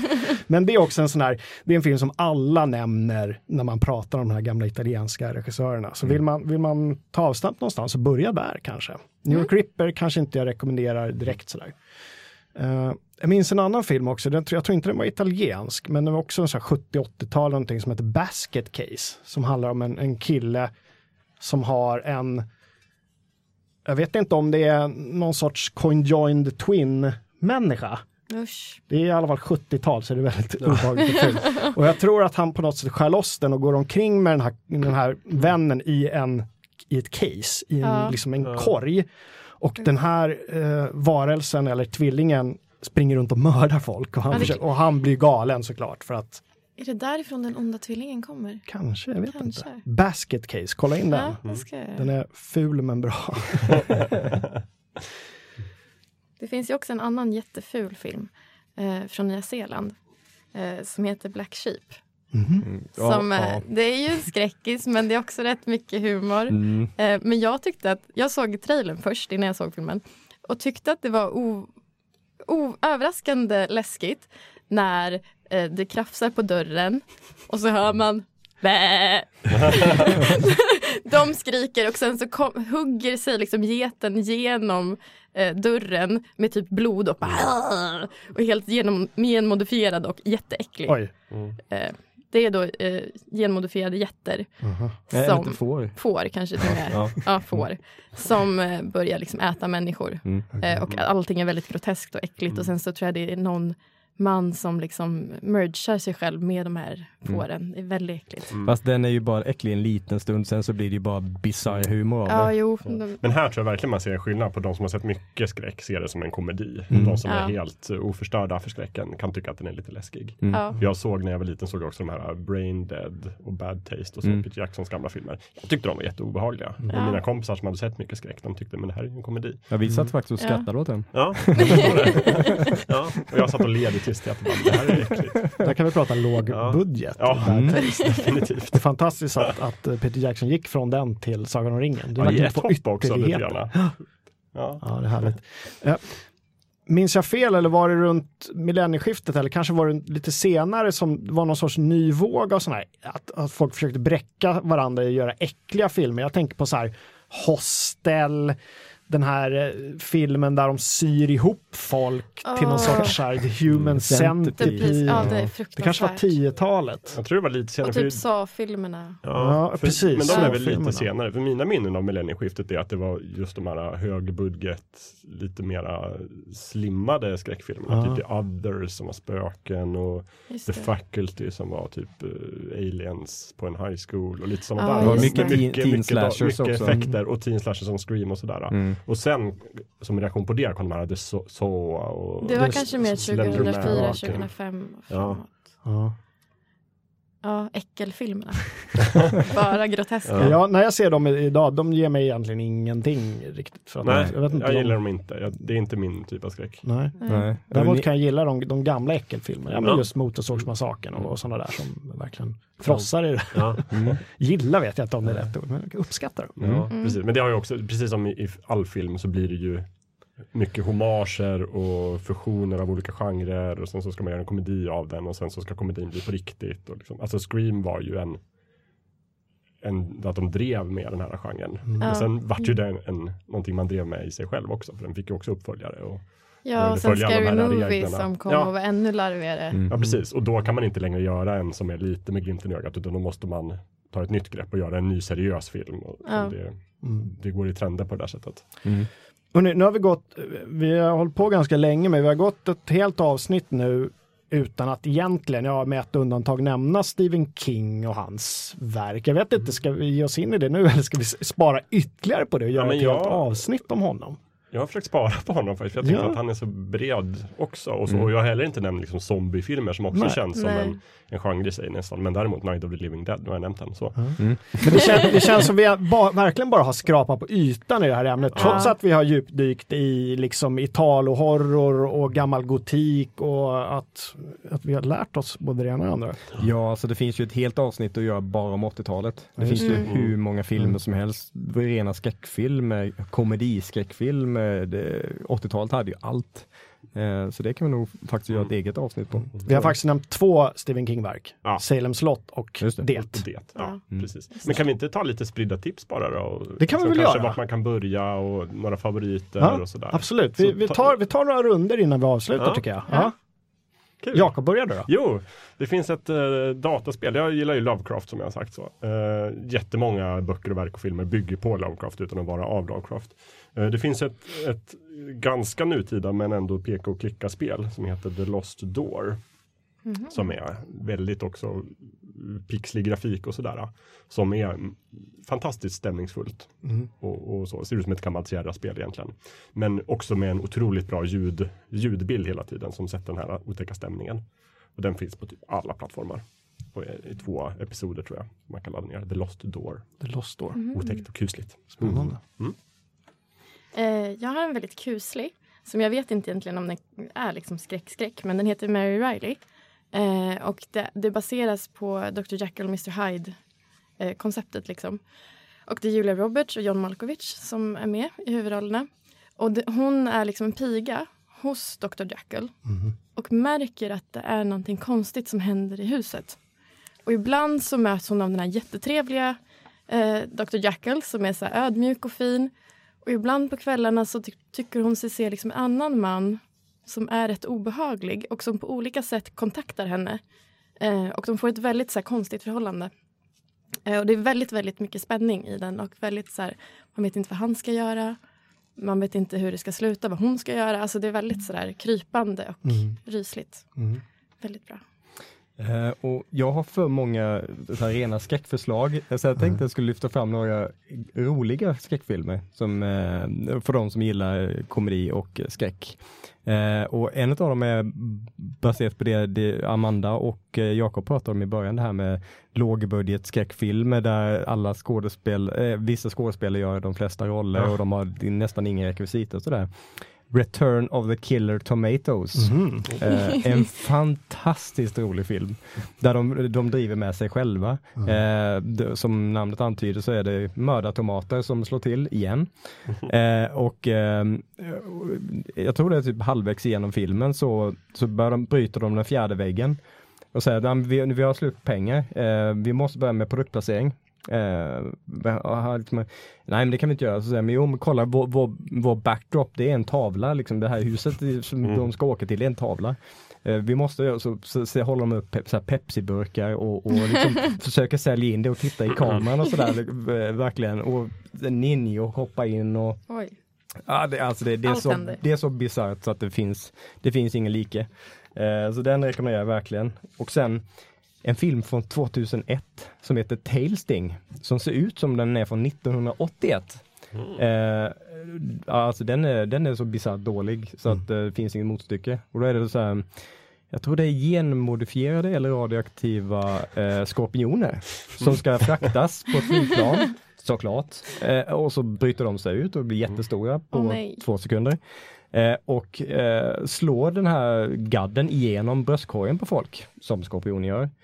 Eh, och de kan även bryta det här med fysikens lagar. Eh, så en skorpion dyker upp bredvid piloten där det egentligen borde finnas en flygplansvägg kan man tycka. Eh, massor, massor sådana exempel. Mm. Eh, den skrattar också hysteriskt mycket åt. Mm. så det är två, två tips. Mm. Jag har två böcker. Uh, tänker börja med att återkoppla till John Ajvide Lindqvist. Han har skrivit mm. en bok som heter Hanteringen av odöda. Som inte är så läskig. Den är ganska sorglig. Den handlar om eh, Sverige idag egentligen, där eh, helt plötsligt de döda vaknar till liv. Men inte som eh, köttätande zombies, utan de vaknar till liv och, och börjar söka sig hemåt helt enkelt.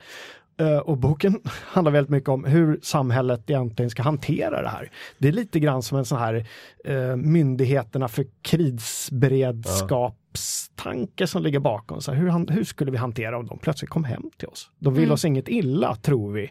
Men hur, hur hanterar man? Sätter man dem i läger? Vad gör man med dem? Hanteringen av odöda och, och alla John Ajvide Lindqvist mm. verk egentligen. De har inte gjort film på den där, men, men um, läs boken. Superfin är den. Mm. Uh, sen måste jag faktiskt dra en Stephen King, en bok. Djurkyrkogården, som mm. jag läste när jag var mm. ganska ung. Uh, handlar om uh, en man och hans fru och deras son som dör. och de vill såklart få tillbaka honom, de blir helt knäckta och den här mannen upptäcker att det finns en gammal indiankyrkogård eh, och han har hört att begraver man någonting där så kommer det tillbaka. Eh, är det inte så att de begraver hunden eller liknande? En hund eller en katt är det ah, som de begraver katt, först. Det. Just då, mm, så mm. märker de att den kommer tillbaka mm. och sen så tänker de, tänk om vi kunde göra samma sak med jag spoilar lite grann nu, mm. men det är ja. okej. Okay. Den är väldigt, väldigt, väldigt bra och jätteläskig. Där har du krypande skratt och jag har mm. till och med för mig att det var några jump scares i den boken. Ja. Mm. Nu, nu, när jag ja. tänker på det. Det har även gjorts en film på den som inte är lika bra. Så läs men den är bra också. Jo. Den är bra också. Ja, men en skicklig författare kan ju få till det där faktiskt. Mm. Och mm. Stephen King är ju skicklig får man mm. säga. Om ni, om ni googlar på titeln så på svenska så stavas den J-U-R som är djur.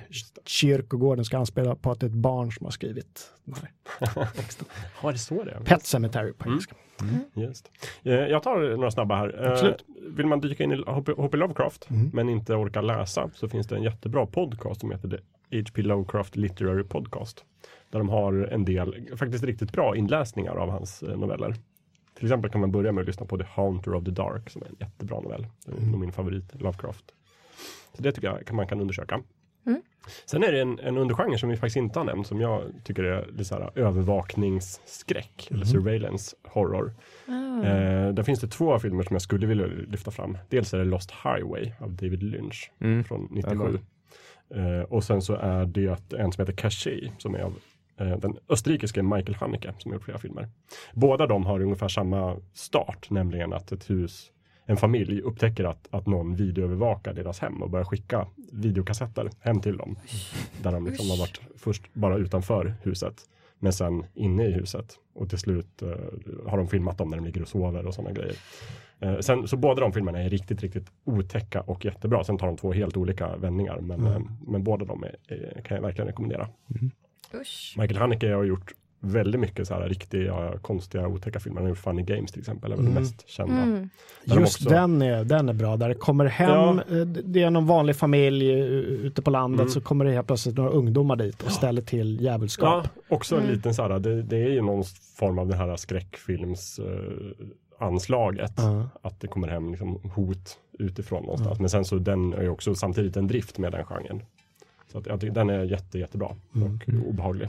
Apropå att du nämnde David Lynch så, så måste jag också eh, nämna Mulholland Drive Mm. som är en av de obehagligaste filmer jag har Ja. sett. Det är inte skräck direkt men den är så obehaglig. Jag vet egentligen inte vad den handlar om fortfarande så att egentligen kan jag bara säga gå och se den. Ja. Mm. Jag var i Los Angeles för länge sedan så tvingade jag en taxichaufför att köra upp på Mulholland Drive för att jag skulle se om det var så obehagligt. Var det det? Ja, nästan. Ja. Spelade du musiken? Nej, jag gjorde inte det, men jag gjorde, gjorde det i huvudet. Ja, för han, David Lynch är också otroligt bra på det. Han gör ju inte liksom regelrätt skräck egentligen, men han kan ju så att ibland, nästan alla hans grejer, så ibland vrider han ju till det och bara Det oj vad otäckt det blir. Mm. Och man har ingen aning om vad som är verklighet och vad som Nej. stämmer. Och Nej. det är också så, man, man sitter aldrig säker i soffan liksom, när man Precis. tittar på hans film. Jag tror, jag undrar om det var inför Mulholland Drive eller ofta var det någon annan här filmen. Jag gjorde en liten sån kort serie på nätet med två kaniner som bor liksom på en teaterscen bara i en lägenhet. Så liksom. Och det händer ingenting, det är bara väldigt, väldigt obehagligt. Ja. Och de säger konstiga saker. Ja, Och, och, och så kommer det ljud från väggen då och då. Och de går omkring där i kanindräkter. Och bara så här, Han leker Ja, med musik och ljud. Ja. på ett väldigt fantastiskt sätt. surrealistiskt. väldigt surrealistiskt. Ja. Det är ju rätt läskigt. Ehm, jag tänkte passa på att tipsa om lite serier. Mm. Eh, och de här serierna det är väl lite grann som de flesta skräckserier tänker mig att de är läskigast de första säsongerna. Och sen ju längre det går ju mysigare blir det på något sätt. Eh, dels Supernatural Mm. eh, som handlar om två bröder eh, som liksom är eh, hunters och letar efter monsterjägare. Precis. Eh, och speciellt i den första säsongen så tycker jag att det var väldigt många avsnitt som var rätt obehagliga och eh, obehagliga monster innan man också fattade hur mycket de klarade av att hantera. Eh, så var det liksom läskigt. Eh, och sen klassikern Arkiv X. Just. Läskigt. Mm. Ja, men den- den Många avsnitt som var väldigt kusliga. Mm. Eh, och sen nu eh, Black Mirror som Mm. går. Eh, som är som novellavsnitt. Eh, som inte är kopplade till varandra. Mm. Men som alla behandlar eh, liksom olika problem, samhällsproblem nästan. Fast gör dem väldigt mörka och, Mm. och läskiga. Precis, ut- utifrån teknik på något sätt också. Ja. Mm. Ja, Men Det är fristående avsnitt, eller hur? Ja, och de är inne på tredje, tredje säsongen nu. säsongen. Mm. Inte så många avsnitt per säsong. Dock. Men eh, brittisk. väldigt bra och Mm. kusligt. Precis. Mm. Och du uppmanade oss att kolla på ett avsnitt. Där, Ja, avsnitt Andreas. nummer två Ja. i tredje säsongen. Ta upp virtual reality och Precis, och skräck. det gjorde jag nu igår kväll bara för att hinna, så pratade vi inte om det. Men, men, men verkligen apropå just det här med, med VR och, och vart skräcken kan tas och sådär så var ju den verkligen en, Mm. ja det. Ja men det, det är kring det här med VR och eh, hur kommer det påverka oss? Det är ju samma sak som det här med, med zombiefilm, att det här liksom rädslan för medicin och vetenskap och, och infektioner, eller så, sådana Mm. mm. rädslor som människ- mänskligheten har inför olika saker. Mm. Tar den upp på ett väldigt bra sätt, Mm. Mm. tycker jag. Ja, och också just det här när vi kan göra fiktion som är så trovärdig som verkligheten. Mm. När vet man Vad är skillnaden och ur, hur ja, vet man vad som är verkligt och inte? när vet man om man kommer riktigt. ur en Mm. Ja, usch. påhittade? Om det är inte någon som verkligen måste klämma ur sig till tips. Jakob pekar lite grann här. Jag också. Ja men okej, du också? Ja. Herregud, det här kan, det här, vi kan hålla på länge som helst. Ja men vi kör på Ja, då. men det går snabbt. Ja. En film som jag såg ganska nyligen som är just det här verkligen lämnade mig sjukt obehagligt emot och som höll i sig i flera dagar och som man sitter och tänker på. Bara, vad hände? Vad var det här för någonting? Beyond the Black Rainbow som är från 2010 som är gjord av eh, Panos Cosmatos regissör. Också så här, det är lite typ, jag tror han har något italienskt påbrå. Den flörtar lite med de här Italo horrorfilmerna. Det är lite science fiction, det är lite obehag, thriller. Det, de blandar många, många olika genrer. Lite slasher. Den är obehaglig på sjukt många nivåer. Nästan obegriplig handling. Otroligt snyggt. Gå in på Spotify och bara lyssna på soundtracket Beyond the Black Rainbow. Mm. Och så ser ni, blir ni sugna då, så liksom kolla på den. För den är verkligen, ja, den manglade min hjärna kan man säga. Mm. Ja. Eh, jag skulle vilja rekommendera eh, en film som heter The Babadook. Eh, Ja. Finns på Netflix och jag, jag har sett den där massa gånger men sen nu när du ska ha en skräckspecial tänkte jag, men jag tittar på den Mhm. och blev väldigt positivt överraskad. Är det också en häxa eller? Eh, nej, Nej. det är mer som en, en barnbokskaraktär som, eh, som en mamma läser för sin problematiska son. Eh, och sen så började saker i den där boken påverka verkliga livet. Jag vill inte avslöja men det är också så här, tappar lite i slutet men det är mycket, mycket psykologi. Man vet inte riktigt vad det är som egentligen händer om det, om det som ser ut att ske sker eller om det bara är i huvudet på folk. Eh, de var faktiskt ganska bra. Så här, Babadook, Babadook. Dook, Dook. Ja, mm, läskigt. Och sen eh, en klassiker som vi inte har nämnt, eh, Suspiria, eh, en, en gammal skräckklassiker. Amazon ska tydligen göra en remake på den. Eh, men, men den nämnde vi inte, så den tänkte jag bara också klämma in där. Suspiria är en gammal Italo-horror om jag inte minns fel. Mm, jag tror det. Undrar om det inte är Fulci eller Argento eller någon av de här herrarna som har gjort den. Det är Suspiria. Mm. Tror det. Amanda, jag bestämmer att du får sista ordet. Ja, jag har ett snabbt litet tips. Eh, ett interaktivt eh, textbaserat spel som heter The Day the Laughter Stopped. Som mm, handlar om att bli utsatt för våldtäkt. Eh, och då får man liksom ta olika, göra olika val. Så är det en snubbe som pratar med en och liksom ber en göra olika saker. Och så kan man så här, antingen, mm, det finns lite olika alternativ. Mm. Och det är just den här känslan av att så här, ingenting man gör spelar någon roll. Och så tvingas man liksom längre fram i, i historien. Och man motvilligt vill ta sig ur men liksom för att klara spelet så måste man liksom gå igenom hela. Mm. Det är fruktansvärt obehagligt. Mm. Mm. Det låter obehagligt. Ju närmare man kommer det verkliga livet desto värre blir det på något sätt. Mm. Mm. Bra. Eh, jag tycker hur som helst att vi håller där. Mm. Och nästan att vi lovar att återkomma med någon Stephen King special nu, för att nu blev jag ju så taggad igen. Ja. Ja. Och sen så återkommer vi med en David Lynch special också nästa år när Twin Peaks kommer tillbaka. Faktiskt. Ja. Just det. Det Mm. tycker Det jag att vi gör. Ja.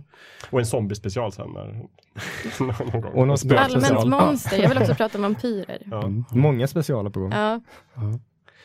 Tack för att ni kom hit och pratade skräck och fasa med mig. Och tack alla som lyssnade. Och glöm inte att följa oss på sociala medier och gå in och, och gilla oss gärna så att, så att ordet sprids och betygsätt oss på iTunes och kolla in den eh, långa länklistan som följer och ligger där poddar ligger. ja, Ja, vi håller där. Tack! kul. Tack, Tack. Tack, tack. Då. Då. Hej då.